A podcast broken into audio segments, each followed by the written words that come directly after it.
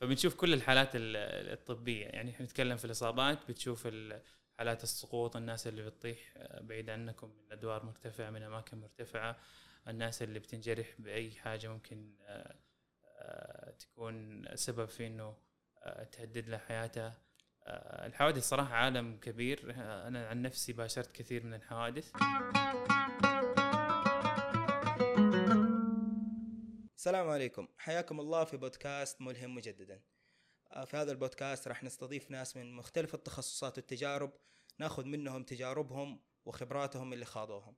معكم المقدم البودكاست أحمد كردي وفي الإعداد فارس الدرفر طبعا قبل ما نبدأ نشكر آه، مقهى زيكا على الاستضافة.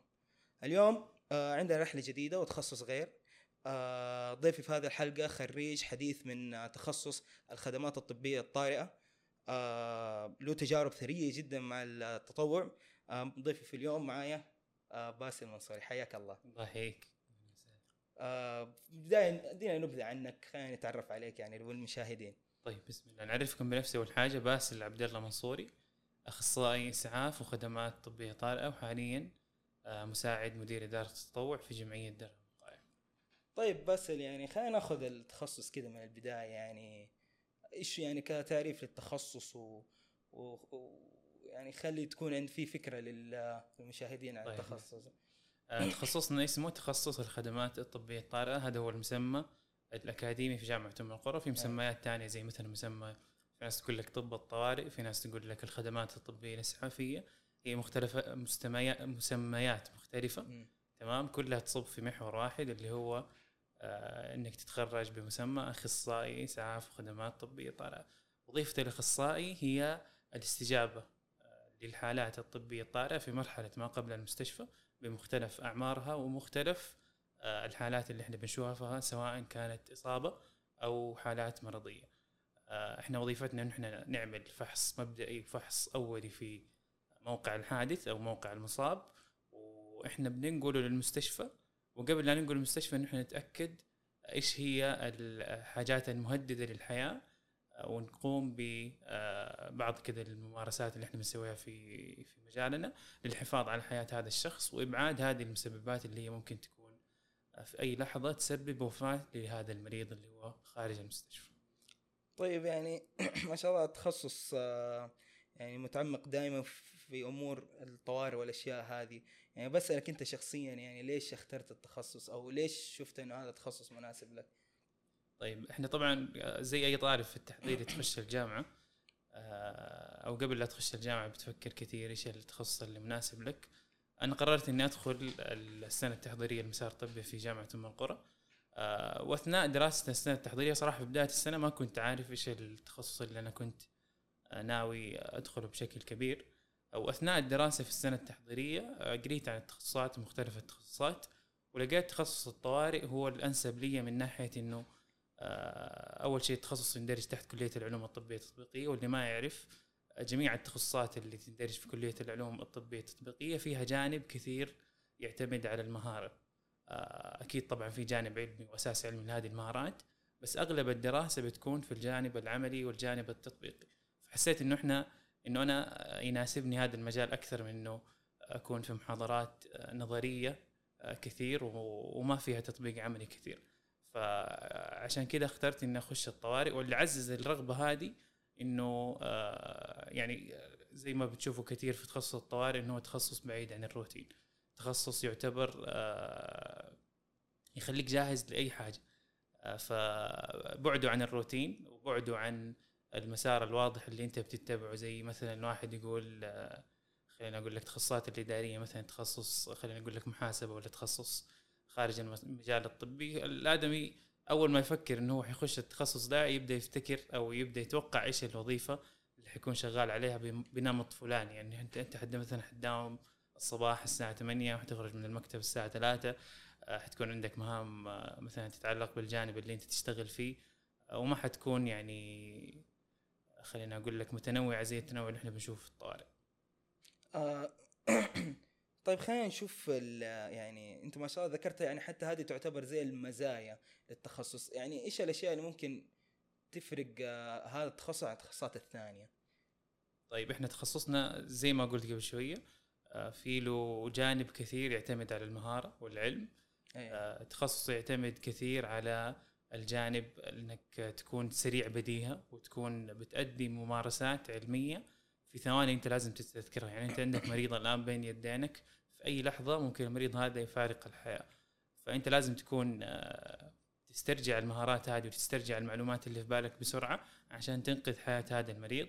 فيتطلب تدخل سريع واسترجاع للمهارات بشكل سريع وفي نفس الوقت هو تخصص إنساني. إحنا بنتعامل مع حالات خلينا نقول لك مثلا حالات الحوادث الناس في الحوادث وفي الإصابات هذه بتكون في أمس الحاجة لأنه أحد يجي يساعدها ويقدم لها يد المساعدة. فهذه جانب إنساني كبير جدا حتلاقوه في تخصص الخدمات الطبية الطارئة والواحد لازم يستشعر هذه هذا الجانب في الناس. وإن شاء الله ربنا يأجره ويكتب له الأجر آه، كونه بيساعد إنسان في أمس حاجة لأنه أحد يقدم له مساعدة وأنت كمان بتقدم له مساعدة بشكل صحيح. وإن شاء الله إنك بتنقذ حياته لأنه في ناس بتقدم مساعدة بعض الأحيان وتضر المريض. وتضر الشخص المصاب. ف يعني نسأل الله إنه يتقبل منا المساعدات أو المهنة هذه اللي إحنا نقوم بها ويجعلها في موازين حسناتنا. آه هذا الشيء الحلو أصلا في التخصصات الصحية يعني آه فيها أجر وفيها أشياء يعني تمس العاطفة الإنسانية يعني فيك. ف يعني هذه إذا أنت واحد تحب آه تساعد الناس آه في تكون عندك خبرة في حاجة في أمس الحاجة هم يحتاجوها آه هذه التخصصات الصحية يعني بتوفرها لك. طبعا نتكلم عن الممارسة في التخصص يعني يعني يعني اللي متخصص في هذا التخصص إيش الممكن إنه بيكون في المستقبل أو إيش الممارسة اللي ممكن يسويها؟ حلو. آه، زي ما قلنا في البداية إنه الخريج يسمى أخصائي اسعاف خدمات طبيه طارئه الخريج أو الأخصائي آه، يكون مخول إنه يشتغل في أي جهة تقدم خدمات طبيه طارئه سواء كانت جهة تعمل في مرحلة ما قبل المستشفى أو جهات المستشفيات اللي هي بتقدم رعاية طارئة في في في المستشفى داخل المستشفى. فهذا هو الخريج هذه الأماكن اللي بيشتغل فيها. إحنا ممكن نتكلم عن المستشفيات واضحة. أي مستشفى يحتاج في له قسم طوارئ يحتاج اخصائي اسعاف خدمات طبية طارئة. الحاجة الثانية لما نجي نتكلم عن الجهات اللي بتشتغل في مرحلة ما قبل المستشفى إحنا نتكلم على حاجة رئيسية عندنا في السعودية اللي هي هيئة الهلال الأحمر السعودي. وهي الجهة الرئيسية خلينا أقول لك في تقديم الخدمات الطبية الطارئة في مرحلة ما قبل المستشفى. في جهات ثانية زي مثلا خلينا أقول لك المطارات آه، بتقدم خدمات طبية طارئة في المطار داخل منشات داخل المنشأة وداخل المطار وبياخذوا أعداد كبيرة من آه، خريجين التخصص. آه، خليني أقول لك كمان المدن الصناعية زي الهيئة الملكية بينبع الهيئة الملكية بالجبال برضو بتاخذ عدد من الخريجين للاستجابة للحالات الطبية الطارئه داخل المدن الصناعية وداخل المنشآت التابعة لهذه المدن الصناعية. فهذه يمكن أبرز الجهات اللي بتقدم أو بيشتغل فيها أخصائي الاسعاف وخدمات الطبيه الطارئه. طيب آه ما شاء الله اخذنا أنا يمكن آه بقول المسمى ده كثير فخلينا نبدل بدل ما نقول أخصائي إسعاف وخدمات طبية طارئه ممكن نقول باراميديك كذا مسمى أسهل آه. عشان تعرفوا إيش يعني باراميديك باراميديك معناتها هي كلمة لاتينية مكونة من شقين. الشق الأول هو البارا بارا معناتها مرحلة ما قبل أو قبل آه وميديك معناتها مستشفى. فتفسير الكلمة هو باراميديك يعني مرحلة ما قبل المستشفى. وترمز للشخص اللي بيقدم رعاية طبية طارئه في مرحلة ما قبل المستشفى. طيب خلينا نتكلم دحين يعني خلينا نخش. ما شاء الله إنت أعطيتنا يعني النظرة العامة عن التخصص. خلينا ندخل في الكلية في الدراسة نفسها. يعني وبرضه حنتكلم برضه في التجارب اللي انت آه، دخلتها. آه، إيش هي طبيعة المواد وإيش الدراسة اللي بيدرسها في الطالب في الباراميديك حلو. إحنا قلنا في البداية إنه إحنا تخصصنا في كلية العلوم الطبية التطبيقية وبالتالي في له جانب مهاري وجانب تطبيقي آه كبير. فبالتالي إحنا ساعاتنا في أيام الدراسة في الكلية كانت تقريبا النصف أو أكثر من النص كانت عبارة عن معامل آه وبندرس فيها أشياء تطبيقية وبنراجع فيها الحاجات اللي بندرسها في المحاضرات العلمية وبنطبقها في آه، في المعامل الموجودة في الكلية. فهذه آه، هذه كده تقريبا ممكن نقول الصورة النمطية للدراسة في تخصص الخدمات الطبية الطارئة تأخذ محاضرات نظرية زي أي تخصص وبتأخذ محاضرات عملية والعملي آه، تقريبا يساوي أو أكثر بشوية من الجانب النظري. آه، فهذا بالنسبة للدراسة. إحنا بندرس آه، مواد مختلفة. آه، أنا زي ما قلت في البداية إحنا نكون جاهزين للاستجابه لجميع الحالات الطبية الطارئه فبالتالي إحنا ندرس آه، مواد في الإصابات علم الإصابات مواد في علم ال- القلب والمواد في علم ال- آه، النساء والولادة مواد في علم طب الأطفال آه، مواد خليني أقول لك في في كل ما يخص ال- الجانب الطبي من ناحية الطوارئ. يعني أي حالة طبية طارئة إحنا المفروض نكون مستعدين للتعامل معها آه، حتى وصولها للمستشفى والطبيب المختص. طيب آه، بخصوص آه، ال- الجانب التطبيقي في الكلية وبيسألونا أصلا ناس كثير يعني هل التخصص فيه له نزلات للمستشفيات أو إيش نوع ال ال النوع التدريب التطبيقي اللي بتاخذه ومتى؟ ممتاز. إحنا في تخصص الخدمات الطبية الطارئة في جامعة أم القرى بنبدأ نزلات للمستشفيات من سنة ثانية. الترم الثاني آه، من السنة الثانية. في التخصص. يعني سنه التحضير تغلق بعدين نبدأ نخش التخصص. آه، ندرس أول ترم والترم الثاني يكون في نزلات للمستشفيات عبارة عن يوم في الأسبوع. وهذه النزلات تستمر إلى نهاية التخصص في سنه رابعه النزلات تنقسم قسمين قسم آه، يكون نزول في المستشفيات وقسم يكون نزول وتطبيق مع الهلال الأحمر. في جامعة أم القرى إحنا بننزل ترمين مستشفيات اللي هي السنة الثانية الترم الثاني. والسنة الثالثة الترم الأول وبعد كده بقية الأترام كلها بتكون في آه، الهلال الأحمر ومرحلة ما قبل المستشفى. طيب آه، بالنسبة للتخصص إيش التجارب اللي مثلا شفتها في التخصص يعني كانت جديدة عليك؟ أو آه، يعني حاجة صارت لك غريبه أو حاجة يعني ممكن تجربة بسيطة يعني. ممتاز. طيب أيوه. إحنا صراحة في تخصصنا في اثناء الممارسة العملية في بيئة الطوارئ أنت ممكن تتوقع أي حاجة تشوفها كل يوم بتتعلم حاجة جديدة بتشوف حاجة جديدة آه، ما قد شفتها قبل كده آه، في مواقف كثير صراحة آه، بس إحنا ممكن نخليها لل آه، ممتاز بس أيوة. آه، خلال الكلية يعني مثلا أشياء تعلمتوها أو زي كذا آه، زي ما قلت لك إحنا بنتعلم في الكلية كل الأشياء اللي أي. تخص الخدمات الطبية الطارئه ومرحلة ما قبل طيب. خلينا نجي للامتياز ما دام إننا أي. خلصنا يعني الفقرة الكلية وزي كذا آه الامتياز يعني كشرح له إيش آه آه إيش الأشياء اللي بتسووها فيها و... وكيف نظامها إحنا في يعني. الامتياز آه، طبعا زي التخصص في مرحلة البكالوريوس الامتياز بيكون 12 شهر آه، سنة كاملة. السنة هذه بتنقسم لقسمين رئيسية. قسم آه، الأول هو ستة شهور بتكون في الهلال الأحمر وستة شهور بتكون في المستشفى. ما يهم الترتيب تبدأ فين بس هذه هي الفكرة إنه ستة شهور في الهلال الأحمر وستة شهور في المستشفيات. آه، أنا عن نفسي بدأت أول شيء أول ستة شهور كانت في الهلال الأحمر وبعدها ستة شهور الثانية آه، كانت في آه، المستشفيات. كيف كانت تجربتك. يعني صراحة الامتياز. آه، بوابة للدخول في عالم ال- العمل أو عالم ال- خلينا نقول لك الممارسة الطبية للتخصص لتخصصنا. آه، إحنا بنشوف آه، بنشوف كل حاجة. إحنا بنداوم مع الفرق الإسعافية. آه، بناخذ شفتات صباح ليل آه، يعني حسب المركز اللي انت بتكون فيه أو الجهة اللي بتشتغل فيها.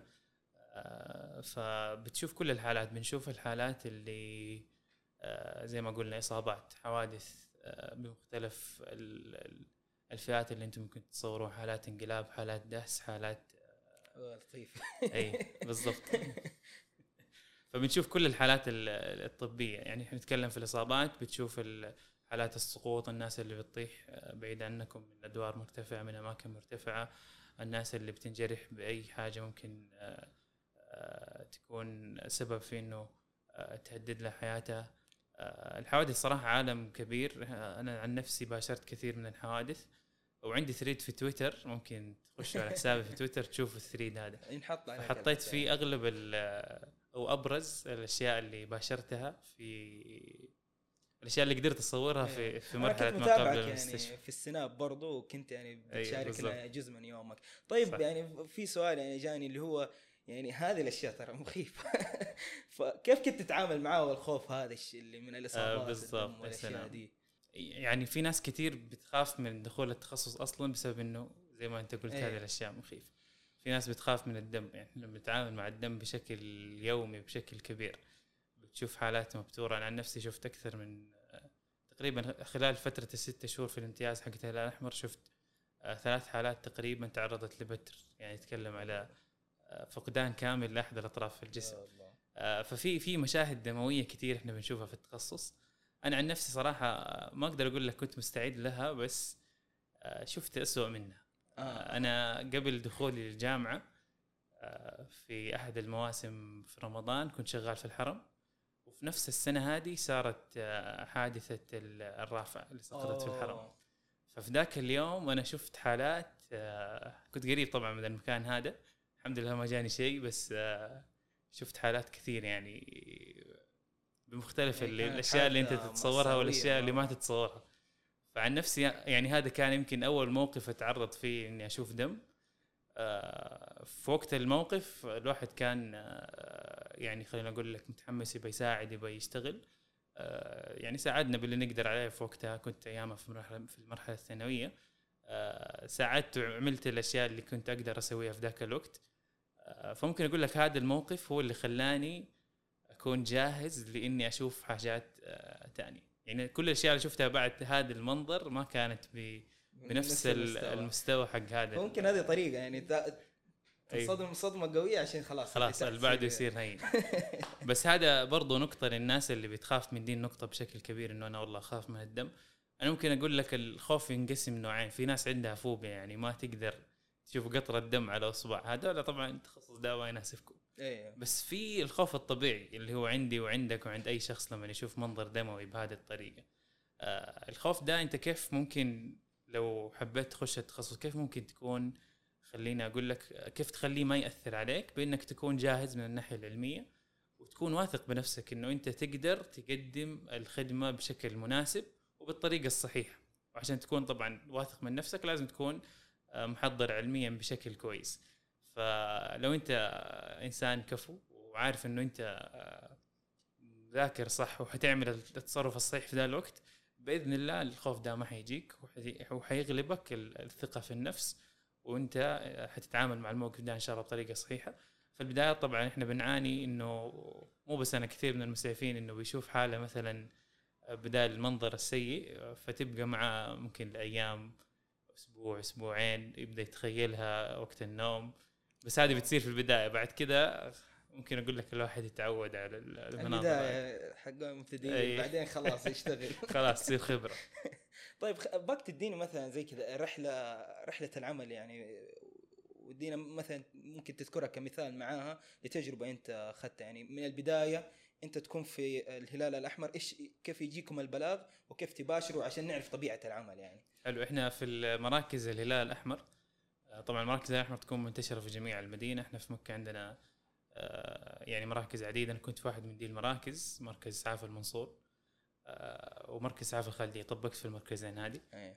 آه، فإحنا بنكون موجودين في المركز. المركز عبارة عن غرفة آه، فيها كده الأشياء الأساسية اللي هي الكنب في مطبخ آه، مصغر في له في سرير لل- لل- للي بيستريح يعني. فالأساس إنه إحنا نكون موجودين في هذا المكان وجاهزين لاستقبال أي بلاغ في أي وقت. يعني دوما 12 ساعة. آه، بتبدأ ال 12 ساعة دي بتشيك الإسعاف وتر- آه، تشيك الإسعاف وتشيك الأدوات الموجودة عندك في ال- في كابينة الإسعاف عشان تكون جاهز لما أنت تباشر البلاغ. حلو؟ آه، طيب وبعدها- بس كمان سؤال. يعني لأنك ذكرت هذه حقت البلاغات كم بلاغ ممكن يجيك في اليوم والله هذه حاجة ما تقدر تعتمد عليها أو تعطيك آه، ما أقدر أعطيك رقم وأقول لك والله إحنا ممكن خمسة بلاغات الله ستة بلاغات في اليوم يعني إيش اللي يصير آه، طبعا الحاجة دي تعتمد على آه، على الاحتياج في نفس الوقت يعني يمكن مم. يعدي يو- يوم عليك ما تباشر إلا حالة واحدة مم. ولا حالتين وفي يوم تباشر خمس ست حالات بيئة الطوارئ هي كده سواء إيه. في المستشفى ولا في هلال أحمر أنت م- أبدا ما يمديك تتوقع عدد البلاغات أو متى حيجيني بلاغ أو متى حكون أنا لازم أكون جاهز. أنت طالما أنت مداوم تكون جاهز آه، في طوال وقت الدوام ال 12 ساعة دي من بدايتها إلى نهايتها أنت لازم تكون جاهز لاستقبال أي حالة فزي ما أقول لك ما ما أقدر أقول لك والله إحنا بنشوف مثلا خمسة حالات بشكل آه، يعني في range إنه إحنا مثلا غالبا في ال shift بنشوف خمسة حالات ولا خمسة بلاغات. ليش؟ هذا سؤال ثاني إحنا ممكن ننزل بلاغ لحالة بسيطة ما تحتاج نقل ونقفل البلاغ البلاغ ما ياخذ مننا 20 دقيقة مثلا نص ساعة. ممكن تنزل بلاغ حالة خطيرة وتقعد فيه ثلاث ساعات. من خروجك للمركز وصولك للموقع مباشرة الحالة فرز المصابين إذا كان في تعدد إصابات نقل الحالة للمستشفى بعدين تعطي endorsement للطبيب الموجود في المستشفى بالأشياء اللي أنت سويتها في مرحلة ما قبل المستشفى. آه، وبعد كذا تخرج من المستشفى تروح المركز. السيارة إذا كانت تحتاج تنظيف لأنه زي ما بقول لك إحنا بنشوف دم كثير واحتمال إيه. المشاهد هذه السيارة بتنعدم السيارة أنا كنت اصور في السناب ال- المنظر حق الإسعاف بعد بعد استجابتنا لبعض البلاغات.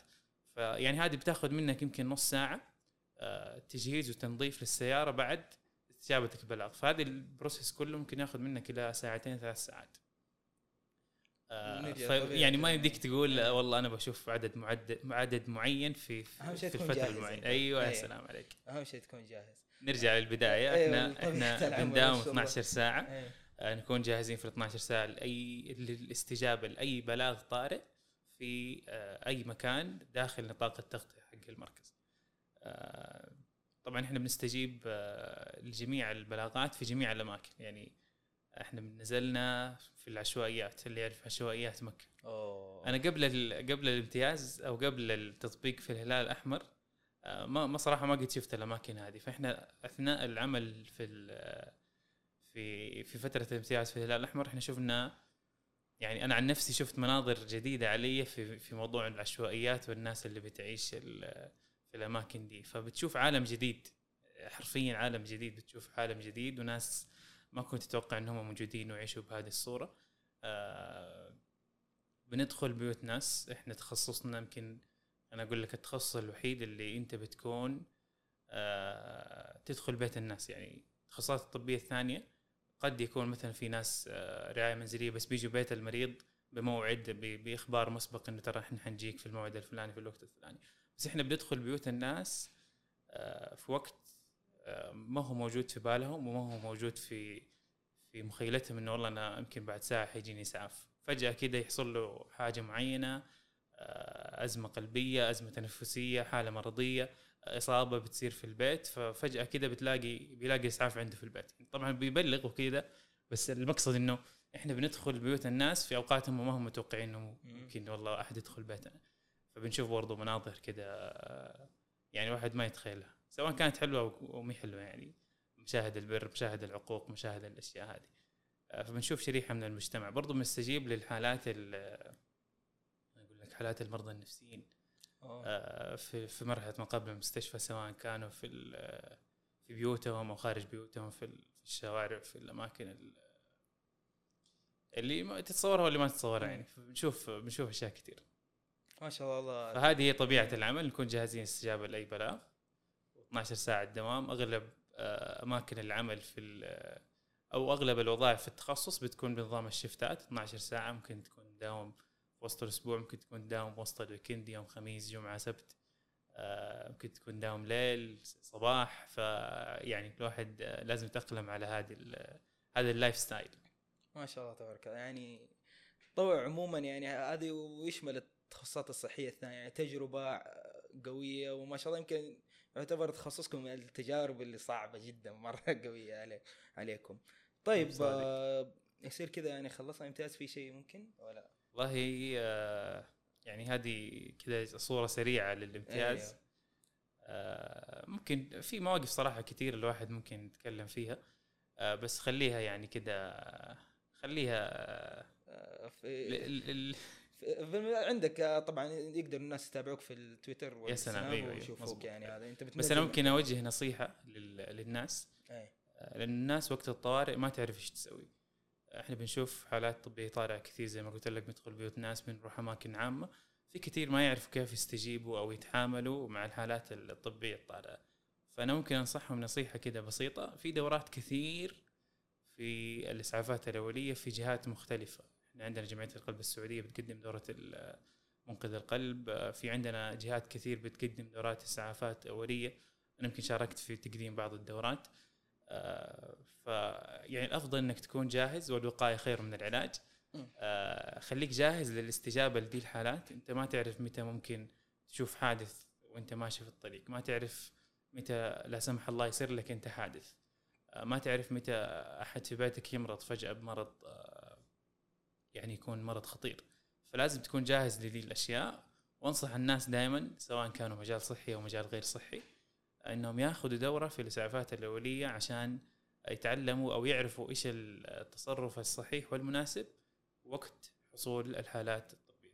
والحلو إنه هذا يعني الدورات هذه متوفرة في كل مكان. يا سلام. ما شاء الله يعني حتى نحن شفنا في الأندية الطلابية بينزلوا مدارس بينزلوا مدري يعني صادق كيف ممكن هي يبغى لها مهت... اهتمام أكبر من المجتمع إنه يوعوا هذا الشيء وان شاء الله يعني نشوف في المستقبل إنه ممكن آه يعني نلاقي أغلب الناس عارفين هذا الشيء.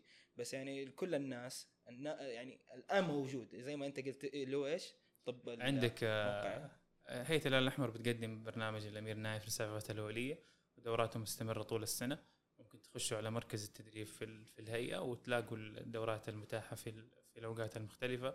في جمعية القلب السعودية برضو بتقدم دورات آه، منقذ القلب آه، برضو ممكن الواحد ياخذها. آه، في جهات كثير ثانية ممكن تبحثوا عنها وتشوفوا أي إعلان وتقدموا للدورة تكونوا جاهزين للاستجابة للحالات اللي ممكن تحصل لكم في أي وقت. أنت ذكرت برضو إنه وقت المباشرة بتدخل بيوت ناس وزي كذا. فكيف يكون تعامل الناس برضو معاكم في يعني كيف يكون ردة فعلهم؟ يعني كيف بيعاملوكم وزي كذا؟ آه صراحة إحنا بنشوف آه، ردات فعل كثير متنوعة. في ناس اللي تكون صابرة ومحتسبة وقت حصولهم وقت حصول الأزمات هذه اللي بتصير لهم. آه وفي ناس بتكون يغلب عليها جانب العاطفي والغضب وال خلينا أقول لك الإنكار للمرحلة دي اللي بتحصل لهم في, الوقت هذا. لأنه إحنا طبعا في حالات الوفاة الهلال الأحمر هو يكون أول جهة مستجيبة في دي في دي الأوقات للتاكد من وضع المريض هل هو فعلا متوفي ولا لا؟ فكثير ناس يرتبط معاهم صورة الإسعاف بمشهد آه، قريب متوفي آه، أو مشهد آه، يعني يفتكر مثلا لا سمح الله إنه صار له حادث معين. في ناس يرتبط عندهم الصورة الذهنية للمسعف بمواقف معينة. فتلاقيهم خلاص ما ما يطيقوا ما يطيقوا الأشياء دي. إحنا طبعا ما نلومهم بس في النهاية هذا جزء من العمل اللي إحنا بنقوم به إنه الناس لما تطالع في كثير ناس ما أعرف إذا أنت شفت أحد زي كذا لا لما يشوف اسعاف يقول الله يكفينا الشر ولا أيوة الله أيوه أيوة. والمستشفيات برضو يعني آه واحد يكره أيوة هذا أيوة المستشفى عشان واحد من اقربائه حصل له سوء ولا شيء. أنا في آه، وقت التخرج نزلت كذا تغريدة في تويتر فواحد قال لي ألف مبروك التخرج الله يكفيني شرك فصراحه كذا كان موقف ملخبط شوي والله هو, طيب. هو الواحد لو وده إنه ما تصير الحالات بس أكيد أكيد. أنا نفس إيه. الشعور هذا ب يعني ب... أكيد ما حد يتمنى إنه تحصل له حاله كذا طارئة ولا يعني يكون طبيعة نفسيه أيوه بالضبط. فهذا جانب من الشغل حقنا. ممكن الناس تعرف آه، يعني طرقنا له عشان الناس تعرف إيش الأشياء اللي إحنا بنواجهها. طيب أنت كمان نبغى نتكلم عن المستشفى خلصنا الهلال الأحمر المستشفى كيف طبيعة الباراميديك فيه يكون؟ إحنا زي ما قلنا ستة شهور في الهلال الأحمر يمكن تكلمنا فيها بإسهاب وستة شهور بتكون في مرحلة المستشفى وداخل المستشفى. إحنا في المستشفى خلال فترة التدريب آه، بنعدي على ثلاث أماكن رئيسية قسم الطوارئ طبعا القسم الأساسي بعد كده بنعدي على آه، غرف العمليات مع قسم التخدير أو مع فنيين التخدير أساس نشوف آه، موضوع التخدير كيف بيحصل وموضوع ال rapid sequence intubation أو اللي هو إجراء التنفس الانبوبي كيف تدخل نعم. الانبوب لأنه بيصير كثير في العمليات فهذه آه، محل مهم إنه إحنا نتعلم فيه هذه هذه المهارة. الحاجة القسم الثالث أو المكان الثالث بنروح في قسم العناية المركزة عشان تشوف أنت كيف الرعاية اللي بتصير في قسم هذا قسم العناية المركزة. وتتعرف أكثر على الإعدادات حقت الفنتليتورز أو أجهزة التنفس الاصطناعي؟ لأنه العنايه المركزه هو أكثر مكان بيسمى استخدام أجهزة التنفس الصناعي فيه بتلاقي يمكن مرضى كثير في العناية على الأجهزة هذه. فبرضه إحنا بنروح المكان ده عشان نعرف إيش السيتنجز وإيش الإعدادات أو المهارات اللي تساعدنا نستخدم هذه الأشياء في مرحلة ما قبل المستشفى. آه، وطبعا قسم النقل الإسعافي في المستشفى. هو القسم الرئيسي اللي بيكون فيه أغلب تدريبنا. آه، في نقل الاسعاف في المستشفيات إحنا بنكون مسؤولين عن نقل الحالات آه، ما بين مستشفى لمستشفى. إذا كان المريض مثلا يحتاج نقل من مستشفى لمستشفى ثاني بسبب إنه مثلا ما في التخصص الفلاني في ذا المستشفى أو إنه مثلا يحتاج رعاية طبية آه، ما هي موجودة في دي المستشفى. المستشفى مثلا تكون مستوى المست- المستشفيات انواع level 1 level 2 level 3 level 4 ففي مستشفيات ما عندها مثلا الامكانيات الجراحية. اجراء العمليات الجراحية في أوقات خلينا أقول لك أوقات مثلا الليل أو الاشياء هذه. فالنقل الاسعافي في المستشفيات بيكون مسؤول عن نقل الحالات من آه، المستشفى إلى مستشفى آخر أو في حالات إنه المريض خلاص انتهى من أو انتهوا من تقديم الخدمة الطبية له خلاص الآن كتبوا له خروج يروح البيت. في بعض المرضى ما يقدروا يتحركوا فبيستخدموا النقل الاسعافي برضو. لإخراج المريض من المستشفى لمنزله فهذه أغلب المهام اللي إحنا بن بنمارسها في المستشفيات. في بعض المستشفيات بيكون ال- القسم مسؤول عن الاستجابة للحالات الطبية خارج قسم الطوارئ يعني أنت ممكن يحصل لك يحصل لك مثلا مريض يغمى عليه في العيادات الخارجية في داخل المستشفى أو مريض بيحصل له حادث مثلا في مدخل المستشفى في بعض المستشفيات تكون كبيرة فممكن يكون في حوادث داخل آه، المدينة الطبية أو المنشاه الصحية المستشفى اللي إحنا بن- بنكون شغالين فيه برضو. فقسم النقل الاسعافي بيكون مسؤول عن مباشرة هذه الحالات. آه، بعض المستشفيات بيكون فيها سكن آه، يعني سكن تابع للمستشفى برضو يكون قسم الخدمات الطبية وقسم النقل الإسعافي هو المسؤول عن مباشرة الحالات داخل نطاق ال- المستشفى. يعني بالعربي النقل الإسعافي بيكون عن مسؤول عن نقل الحالات من مستشفى لمستشفى وبيكون مسؤول عن الاستجابة للحالات خارج قسم الطوارئ. حالات إيه. الطارئة خارج قسم الطوارئ حق المستشفى. ما شاء الله يا والله عندكم بروسيجر مرة كثير ما شاء الله. آه كلها يعني مصلحة المريض و والله يكتب أجركم يعني. آمين يا رب اجر الجميع إن شاء الله. طيب آه كذا ما شاء الله يعني آه فهمنا بشكل كامل عن التخصص وعن ال- الدراسة وإيش التجارب اللي ممكن تصير. دائما برضو نبغى نتطرق في البودكاست الأشياء اللا صفية الخارجة عن الدراسة. ما شاء الله يعني وأنا كنت أتابعك في السناب وتويتر يعني عندك تجارب مرة ثرية في التطوع. وبشكل عام. يعني ليش تشوف إنه التطوع أنت مختاره؟ أو إيش السبب اللي يخليك تكمل فيه وزي كذا؟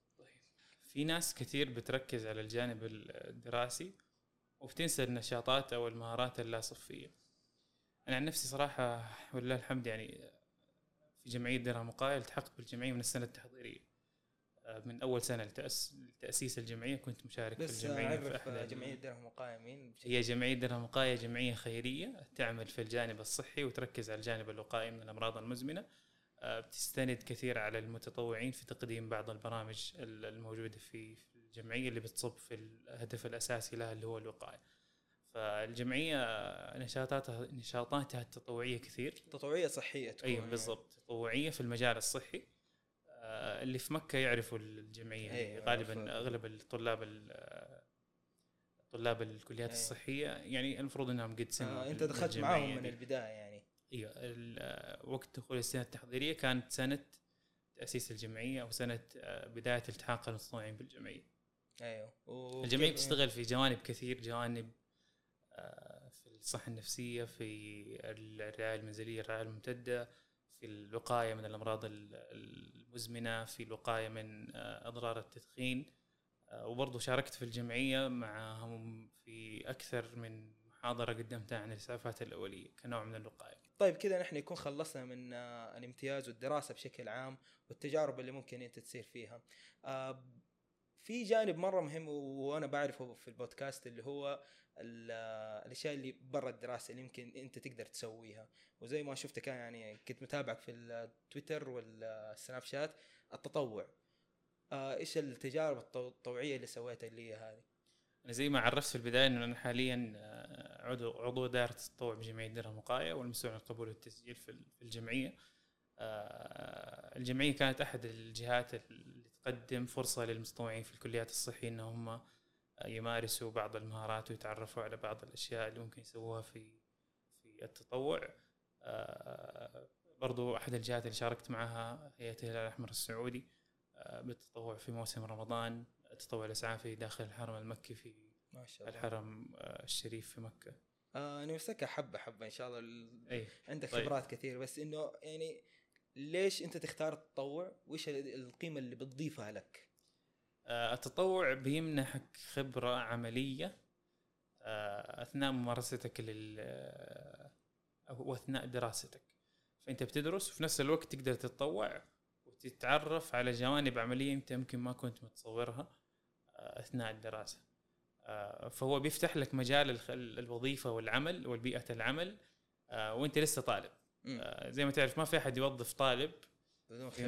آه، مو بدون خبرة بس آه، النقطة اللي بوصلها إنه أنت كطالب ما حتقدر تشتغل في وظيفة معينة وأنت لسه طالب في نفس مجالك أقصد. آه أيوه أيوه فالتطوع بيمنحك إنه يفتح لك ال- المجال العملي والوظيفة آه، تبدأ تجرب. وأنت لسه طالب. أيوة. أيوه بالضبط. تبدأ تجرب تبدأ تشوف آه، تشوف بيئة العمل تشوف إيش الأشياء اللي ممكن تصير ما كنت متصورها وأنت وأنت بتدرس إيش الجوانب الغير دراسية. يعني في أشياء كثير بنشوفها في الميدان بس أنت أصلا ما درستها. ولا حتعرفها في الدراسة ما حتعرفها إلا لما تشتغل. فهذا هو التطوع هذه فائدة التطوع بي- بيخليك تتعامل مع ناس كثير. آه، خاصة إحنا في مكة آه، من خلال المشاركة في موسم الحج وموسم رمضان التطوع فيهم. آه، بتعامل مع جنسيات كثير وشخصيات كثير جدا. فبتشوف كيف تكتسب مهارة التعامل مع الناس. واحد معصب كيف تهديه واحد مثلا خلينا أقول لك غير مهتم مثلا إنه صح تقدم له خدمة طبية كيف. أنت تتكلم معاه وتقدم له الخدمة الطبية يعني أفتكر في الحج كنا نمشي بين الحجاج نشوف الحجاج اللي رجولهم كده فيها إصابات أو تورم نقنعهم إنه تعالوا اجلسوا والله ترى رجلك هذه تحتاج ل- لرعاية طبية. آه، لأنه زي ما تعرف الحج رحلة طويلة للحاج وبيمشي فيها كثير فبيتعرض لجروح في القدم. فيعني هذه يمكن كده واحدة من المهارات اللي أنت بتتعلمها غير طبعا الأجر الكبير من الله عز وجل فانه أنت بتقدم خدمة طبية ورعاية طبية من غير مقابل آه، ففيها جانب إنساني برضو وجانب ثواب إن شاء الله من ربنا إذا الواحد اخلص النيه وكانت نيته سليمة خالصه لله تعالى. يبا صراحة أي واحد يعني في مكة هذه فرصة يعني وفي يعني أكيد واجهت ناس من برا مكة قد شفتهم يعني لأنه مكة عبارة عن آه اللي هو الحرم والناس كثير بتيجي. فهذه مرة فرصة تطوعية وم- ومنها برضو بتقابل أشكال و- وناس كثير. طيب خلينا نتكلم عن كل تجربة يعني فيها حبة حبة. إيش حاب تبدأ؟ طيب اللي أنت عاجبك. أيوه ممكن الحرم يعني بنعرف لأنه هي تقريبا أكثر شيء بيسألوا عنه الناس كيف أنا أتطوع في الحرم إيش الأشياء اللي ممكن أنا أسويها وإيش التجربة اللي بلاقيها. ممتاز. الحرم عندنا آه، أنا عن نفسي شاركت في الحرم آه، أربع مواسم آه، مع. الهلال الأحمر مع هيئه الهلال الأحمر السعودي والتطوع معاهم في الخدمة الإسعافية اللي بتقدم في الحرم. شاركت معاهم أول سنة كنت في أحد المراكز الإسعافية لأنه إحنا بنتوزع في في الحرم على مراكز إسعافية يكون فيها يعني نقاط رئيسية لتحرك الحجاج دخولهم خروجهم وتكثر فيها الحالات اللي بتصير. ف هذه أول سنة شاركت مع الهلال الأحمر ثاني سنة كنت ماسك مركز إسعافي في أحد المواقع آه، وثالث سنة كنت نفس الشيء ماسك أحد المواقع الإسعافية في ال- في الحرم. ما شاء الله أنت، آه، الأشياء أيوه. الاداريه أيوه. يعني ما نقول إدارية بس جوانب آه، خليني أقول لك. آه، مسؤوليات أكبر تقدر آه، لا بس أنت بتجرب. أيوه. أيوه. والواحد ما يطالع عشان والله أصير أنا مدير بس أيوه. ال- الفكرة إنه أنت بتجرب. يعني كل سنة لازم يكون في أنا عن نفسي كنت أحرص إنه كل سنة يكون في آه، تجربة جديدة. يعني ما اكون كررت نفس التجربة اللي راحت. ولو كررت نفس التجربة ما هو عيب. أنت إن شاء الله ربنا يكتب أجرك. عشان أنت أصلا نيتك إنه أنت تخدم الحجاج أو آه، نيتك خالصة لوجه لله تعالى. فالواحد لازم يكون طماع إنه يتعلم. أيوه، يعني صح إحنا بنتطوع. في كثير متطوعين بس هذه يمكن نصيحة أقولها لل- للناس اللي تحب التطوع وبتشارك كثير في التطوع إن- إنه أنت خليك طماع بس خلينا نقول طماع بال- بالصورة الإيجابية. آه، حسن من تجربتك حسن من المكان اللي أنت موجود فيه. آه، عندك نصائح أو عندك آه، مثلا ملاحظات شفتها في الجهة اللي أنت تطوعت معاها قدم هذه النصائح للجهة أسعى في تطوير هذا المكان. زي ما قلت حاول تجرب تجارب مختلفة في كل مرة أنت تجي. أنا عن نفسي زي ما قلت أول سنة كنت متطوع ثاني سنة كنت ماسك أحد المواقع ثالث سنة نفس الشيء كنت ماسك أحد مم. المواقع السنة الأخيرة في هذه في آه، رمضان كنت آه، شاركت مع العمليات لأنه إحنا عندنا خدمات خدمة إسعافية وفرق متطوعين موجودين في الميدان. وفي جهة تكون آه، مسؤولة عن التنسيق بينهم وتنسيق بين ال- الجهات الإشرافية في الميدان اللي هي العمليات. آه، فعن نفسي آخر سنة كنت آه، مشارك مع العمليات شاركت معاهم في أكثر من يوم في آه، إدارة الجهاز اللاسلكي أو تنظيم الفرق في الميدان وشاركت معاهم برضو كنت مع شباب مكة برضو إحدى الجهات اللي بتقدم خدمة تطوعيه في مكة كنت معاهم كنائب للمشرف حق نشاط الإسعافات الأولية. هي إيش طبيعة آه، آه، التطوع في الحرم؟ طبيعة التطوع في الحرم إحنا بنكون آه، زي زي ما قلت لك الهلال الأحمر هي في النهاية الهلال الأحمر هو يقدم خدمة إسعافية للعامة. ففي الحرم إحنا بنكون مسؤولين عن مباشرة الحالات الطبية الطارئة اللي بتصير في مرحلة ما قبل المستشفى. سواء إحنا في الحرم بنشوف أوقات التزاحم يعني السنة دي الأخيرة الحمد لله ما شفنا الأشياء هذه بشكل كبير بسبب التنظيم الموجود والأعداد آه، والأعداد القليلة والاجراءات الاحترازية اللي كانت موجودة في الواحد الحمد لله ما شاف حالات كثير بس في السنين اللي راحت إحنا كنا مسؤولين عن الحالات اللي بتصير مثلا آه، من إغماء داخل صحن الطواف. إيه. آه، في ناس بسبب التزاحم والتدافع الشديد بينكتم نفسهم فبتلاقيهم يغمى عليهم. في ناس أوقات الصيام بيمارسوا العمره بيبذل مجهود بدني وهو ما هو جاهز من ناحية إنه مثلا تسحر كويس أو أكل كويس أو يكون مثلا جسمه ضعيف فيبذل جهد آه، أكبر من طاقته فيتعرض لا سمح الله لغيبوبه نقص سكر أو اغماء بسبب نقص السكر في الجسم. هذه الأشياء كلها إحنا بنشوفها في الحرم بنتعامل معها كمتطوعين مسعفين في هيئة الهلال الأحمر السعودي. آه، الجروح اللي بتصير بسبب العربيات الموجودة في الحرم يعني هذه من أكثر الأشياء اللي إحنا بنشوفها الواحد هو بدف عربية ممكن يصطدم بقدم الشخص اللي أمامه فيتعرض لجرح أو نزيف. إحنا بنتعامل مع الأشياء هذه. آه يعني هذه أغلب الأشياء اللي إحنا بنشوفها وطبعا بنكون مسؤولين عن مباشرة أي حالة طبية ممكن تصير. اي تمام. طيب آه، برضو من الأشياء الطوعيه عندك برضو الحج يعني هذه اللي كل سنة بتسويها. أيوه بالضبط. في الحج كنت غالبا أشارك مع البرنامج الصحي التطوع بالحج. واحد الجهات القديمة في التطوع في في الحج آه، اللي هو تقريبا أكثر من 14 سنة. بيقدم خدمات طبية للحجاج من طريق عن طريق المتطوعين، المتطوعين فيه بيكونوا آه، من مختلف أنحاء المملكة العربية السعودية، فاحنا بنشوف ناس من يعني هذه من أحد الميزات برضو في التطوع إن أنت بتقابل ناس مميزة من مختلف مناطق المملكة من الشرقية من نجران من الجنوب من الرياض من الشمال. هذه كلها أماكن بيجوا فيها بيجوا منها متطوعين يكونوا شغوفين بالتطوع في الحرم أو بالتطوع في موسم الحج. فهذه برضو احد الجهات اللي شاركت معاها. طبعا بدأت معاهم في السنة التحضيرية. بعد نهايه السنة التحضيرية كانت أول سنة مشاركة لي مع البرنامج في الفريق التنفيذي. كنت مسؤول عن ما كنت مسؤول بس كنت ضمن اللجنة المسؤولة عن القبول آه، والتسجيل في البرنامج. آه، هذه أول سنة. ثاني سنة كنت آه، نفس الشيء في نفس اللجنة. ثالث سنة كنت المسؤول عن البرنامج التدريبي في في الحج أو في البرنامج. أيوه أحس يعني البرنامج آه، بيكون عبارة عن مرحلتين. مرحلة أيوه. تدريب أربع أيام يجي المتطوعين فيها. بيكونوا آه، أغلبهم من مو أغلبهم كلهم يكونوا من كليات صحية بمختلف تخصصاتهم. آه، بنقدم لهم برنامج تدريبي يأهلهم للمشاركة في تقديم الخدمات الطبية للحجاج في موسم الحج. فأنا كنت في آخر سنة 2019 كنت مسؤول عن البرنامج التدريبي في في آه، البرنامج ذيك السنة. أيوه. ما شاء الله كمان أنت قاعد تذكر إنه أنت لك كم سنة وزي كذا. يعني في شخصيات طوعية كبيرة يعني في المجال يعني يكونوا مختصين أو زي كذا؟ أكيد طبعا كل مجال له له أساتذة وقام أيوه. إحنا ممكن في مكة نتكلم في برنامج الحج عن الدكتور مثلا جاسر الشهري واحد الدكاترة اللي يعني من ممكن نقول من مؤسسين البرنامج وهو من الناس اللي تستفيد منهم كثير لما تشوفهم في الميدان.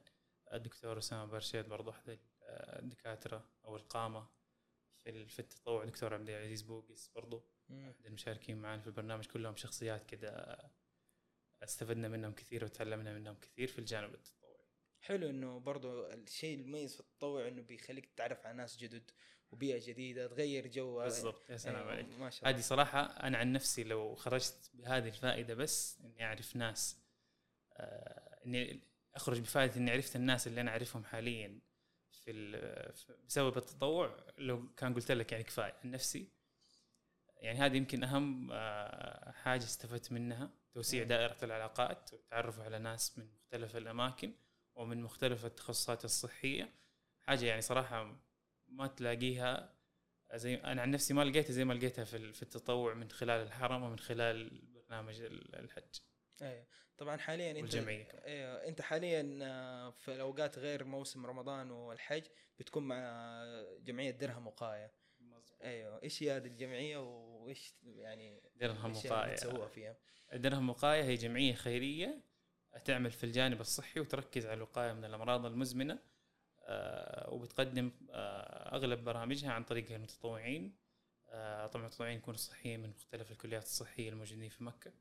آه، وهي تهدف إلى خدمة المجتمع المكي. آه، أنا عن نفسي شاركت مع الجمعية في السنة التحضيرية مع بداية السنة التحضيرية تقريبا في نص الترم الأول. آه، بدأت في المشاركة مع الجمعية والحمد لله إلى الآن مستمر مع الجمعية. الجمعية بتقدم خدمات في ال- الصحة النفسية في الصحة آه، المدرسية في برامج تهتم بصحه الطلاب وتثقيفهم وتوعيتهم من طريق مثلا برامج عن التوعيه بأضرار تدخين المخدرات آه، برامج عن يعني برامج عن صحة الفم والأسنان آه، للطلاب في المدارس وبرضو عن الاسعافات الأولية. آه، وبرامج برضو في الرعاية المنزلية الرعاية الممتدة. آه، وبقية البرامج المختلفة. إيه ما شاء الله في فيها يعني زي المشاريع. وفعلا أنا برضو آه، بشتغل في حميد درهم برضو. واحد من إيوه اللي هو فحص مبكر يعني فعلا بيئة حلوة كمشروع وتعرف فيها ناس وزي كذا. فعلا التطوع يعني لما نيجي نتكلم عن الفائدة الكبرى إنه تغيير الجو وبناء العلاقات وزي كذا. يعني هذه يعني الصراحة يعني ما ما بقول يعني هذا شيء ممكن يفهمه غلط ولكن آه، اللي ما تطوع يعني فاته كثير إي والله إيوه اللي ما تطوع فاته كثير آه وابدا ما نقدر نقول ال- الوقت راح على التطوع أنت أي. ممكن في أي وقت في أي وقت تتطوع سواء كنت طالب متخرج موظف آه، لك عشر سنين إن شاء الله أيوة. في فرص تطوعيه دائما موجودة واللي حابب يتطوع في في في أماكن ممكن تخدم فيها طيب عندك أي حاجة أخيرة قبل ما نختم شيء؟ آه صراحة أحب أشكركم. أنا يمكن شاركت مع مع القناة في أيوه يا الله في, في سنة ثانية سنة سنة ثانية. ثانية آه، تخصص يعني بعد السنة إيه، أعذرني إنه ما ذكرته في البداية لا، لكن لا. في يا جماعة الخير فيديو عن آه، تخصص طب الطوارئ آه أيوة. إيوه وتقدروا تشوفوه في القناة أو تشوفوه في الديسكربشن آه، أسفل آه يعني آه، أيام زمان آه، كيف أيوة. كانت كنت سنة. ثانية صح؟ أيوه أيوه وهذا شيء هذا هدف برضو من البودكاست إنه ما ب... بعد ما خلصت إيش كيف اتغيرت إيش الاشياء اللي اتغيرت معاك وجر... وجربتها صراحة واحدة من التجارب اللي برضو كانت مرة بالنسبة لي كانت تحدي وكانت يعني يمكن نقول تجربة ناجحة تعلمت. فيها إنه كيف أقدم محتوى. من خلال مبادرة فراس جزاه الله خير أيوة. فارس عفوا فارس فارس أيوه. حسيت إني جبت العيد أيوه من خلال فارس المعروف بالدرفر. إيه. آه، تواصل معي في سنة ثانية وقال لي نبغى نعمل فيديو والى آخره وطلع الفيديو اللي أنتم موجودين اللي هو موجود حاليا في القناة ممكن تشوفه. في أي وقت آه، في رحلة الدراسة والتطوع الواحد شاف كثير تعلم كثير لازم يكون هو آه، آه، زي ما قلنا طماع أو خلينا نقول إيه. مبادر إنه هو يتعلم أكثر ويستفيد أكثر أنا عن نفسي لو جيت الناس اللي تعرفني لو شافتني آه، أول ما دخلت الجامعة وقبل ما أدخل الجامعة وحاليا شافتني حتلاحظ الفرق الكبير وهذا يمكن سمعتها من أكثر من شخص آه، انقطع عني فترة وشافني بعد فترة كبيرة. فالحمد لله الواحد يتغير وتحسن من أفضل لافضل من خلال التجارب اللي هو بيعيشها ويمكن التطوع هو أكبر جانب أثر في التغيير في في في شخصية باسل يعني. آه طبعا شرفتني إنك تيجي مرة ثانية في القناة. إن شاء الله برضو يكون في آه أشياء أكثر في المستقبل ما ندري. إن شاء الله. آه إيه يعطيك ألف عافية. صراحة يعافيك. يعني لقاء يعني استفدنا منه كثير وعرفنا يعني قديش أهمية التغير اللي بيصير بعد الجامعة. آه يعطيك ألف عافية. الله يعافيك. وأشكركم مرة ثانية على الاستضافة هذه. إيه. برضو حلو تجربة جديدة عن نفسي إنه الواحد إيه، كذا. يصور بودكاست ولقاء. عفوي كده مع شخصية كده أحبه زي أبو حميد. وفارس برضه موجود في الإعداد موجود هنا إيه، جزاه الله خير. أيوه ما شاء الله. يعطيكم العافية. آه وبكذا انتهينا من الحلقة. آه شكرا لكل المستمعين آه لهذه الحلقة. نشوفكم إن شاء الله في الأسبوع القادم. السلام عليكم.